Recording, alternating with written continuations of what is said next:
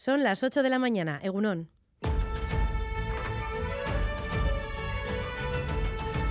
Crónica de Euskadi con Irache Martínez. En el próximo Consejo de Ministros vamos a aprobar una ley de representatividad paritaria entre hombres y mujeres en los centros de decisión. Porque si las mujeres representan la mitad de la sociedad, la mitad del poder político y la mitad del poder económico tiene que ser de las mujeres.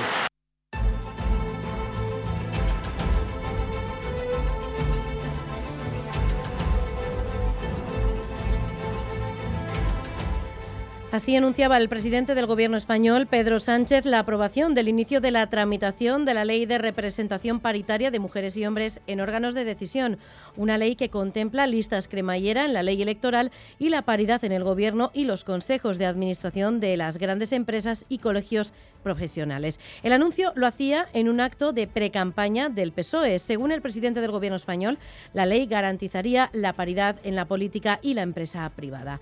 Y en vísperas de la celebración del 8 de marzo, hoy conocemos una nueva edición de EITB Data sobre qué estudian y dónde trabajan las mujeres vascas. Un informe que destaca que la presencia femenina es mayoritaria en la universidad, pero que las carreras tecnológicas e industriales siguen siendo cosa de hombres. El informe reivindica además mayor presencia de mujeres en puestos directivos y de gerencia. La responsable del estudio, la consultora de IKEA de Salvador, pide un esfuerzo del conjunto de la sociedad para avanzar tanto en el sector público como privado, aproximadamente el 34% son mujeres, pero estamos en la media de la Unión Europea, que está en el 35%. Tenemos que seguir mejorando, pero con todo, este es un reto del conjunto de las sociedades avanzadas.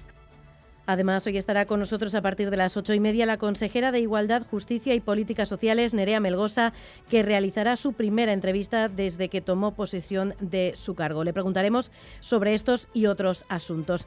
Y la policía francesa investiga el fallecimiento de un trabajador en Bayona registrado este viernes en un taller de automóviles. Según las primeras investigaciones, dos trabajadores cayeron desde una cabina prefabricada de pintura. Uno de ellos, un hombre de 50 años, murió en el lugar. El segundo fue trasladado al hospital con heridas leves. Según los sindicatos, en lo que llevamos de año han fallecido 10 personas en Euskal Herria en accidente laboral. Y vamos ahora con un adelanto de la actualidad deportiva. John Zubieta, Egunon. Hola, Egunon. El Athletic se mide esta tarde al Rayo Vallecano con la necesidad de ganar para no quedar más descolgado de los puestos europeos en una semana con polémica por las declaraciones de Ander Herrera. Por otro lado, la Real Sociedad ha perdido su tercera plaza tras eh, que el Atlético de Madrid ganara por 6-1 al Sevilla. En segunda división, el Eibar se sitúa de nuevo en puestos de ascenso directo después de su victoria por 0-1 en su visita al Tenerife. En baloncesto, el Bilbao Basket se mide al domicilio a Gran Canaria a partir de la 1 y el Vasconia recibe a las 8 al Granada. Además, el Ointega Granada y el Rica y el Araski solventaron con holgura sus partidos ante el Benvibre y el Ensino respectivamente. Hablamos también de los frontones, ya que Irribarría fue objeto de un emocionante homenaje con motivo de su despedida de la pelota profesional con un atano entregado. Además, Peña Mariz Currena se enfrentan hoy en Bilbao a Pello Echeverría y Rezusta en busca de una plaza para las semifinales del campeonato manista. Y en cuanto a otros apuntes, John Ram terminó en la jornada de ayer del Arnold Palmer Invitational en el puesto 44. Hoy comienza el Mundial de Fórmula 1. Pello Bilbao fue séptimo en el Stade Bianche y en Aitasuna cayó por la mínima ante el Ciudad Encantada. Temperaturas muy frías hasta ahora. 2 grados tenemos en Donostia, 1 en Bilbao y Bayona, 4 bajo cero, 0 en Iruña y 5 bajo cero en Vitoria-Gasteiz. Vamos a repasar el pronóstico del tiempo para este domingo. Euskalmet, Jonander Arriaga, Egunon. Caixo Egunon, hoy domingo se va a imponer el sol y van a subir las temperaturas máximas. Eso sí, amanecemos con algunos bancos de niebla en el interior y con mucho frío y heladas generalizadas en el interior.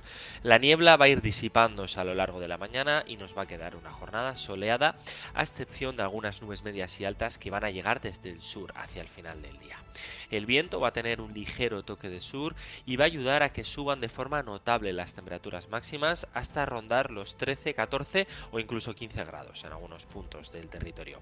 En la vertiente cantábrica va a entrar brisa hacia el mediodía y va a frenar el ascenso de las temperaturas, sobre todo en el litoral. Así que resumiendo, hoy va a lucir el sol y durante el día va a templar bastante. En el control técnico, Jorge Ibáñez, Jesús Malo y Asier Aparicio. Son las 8 y 4 minutos de la mañana. Comenzamos. Crónica de Euskadi con Irache Martínez.